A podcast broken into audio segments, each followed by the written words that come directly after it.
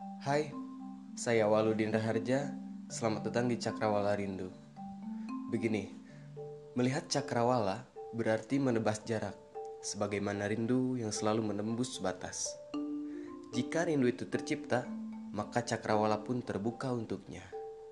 Dan biarkan beredar dengan semestinya, lalu nikmati setiap putarannya.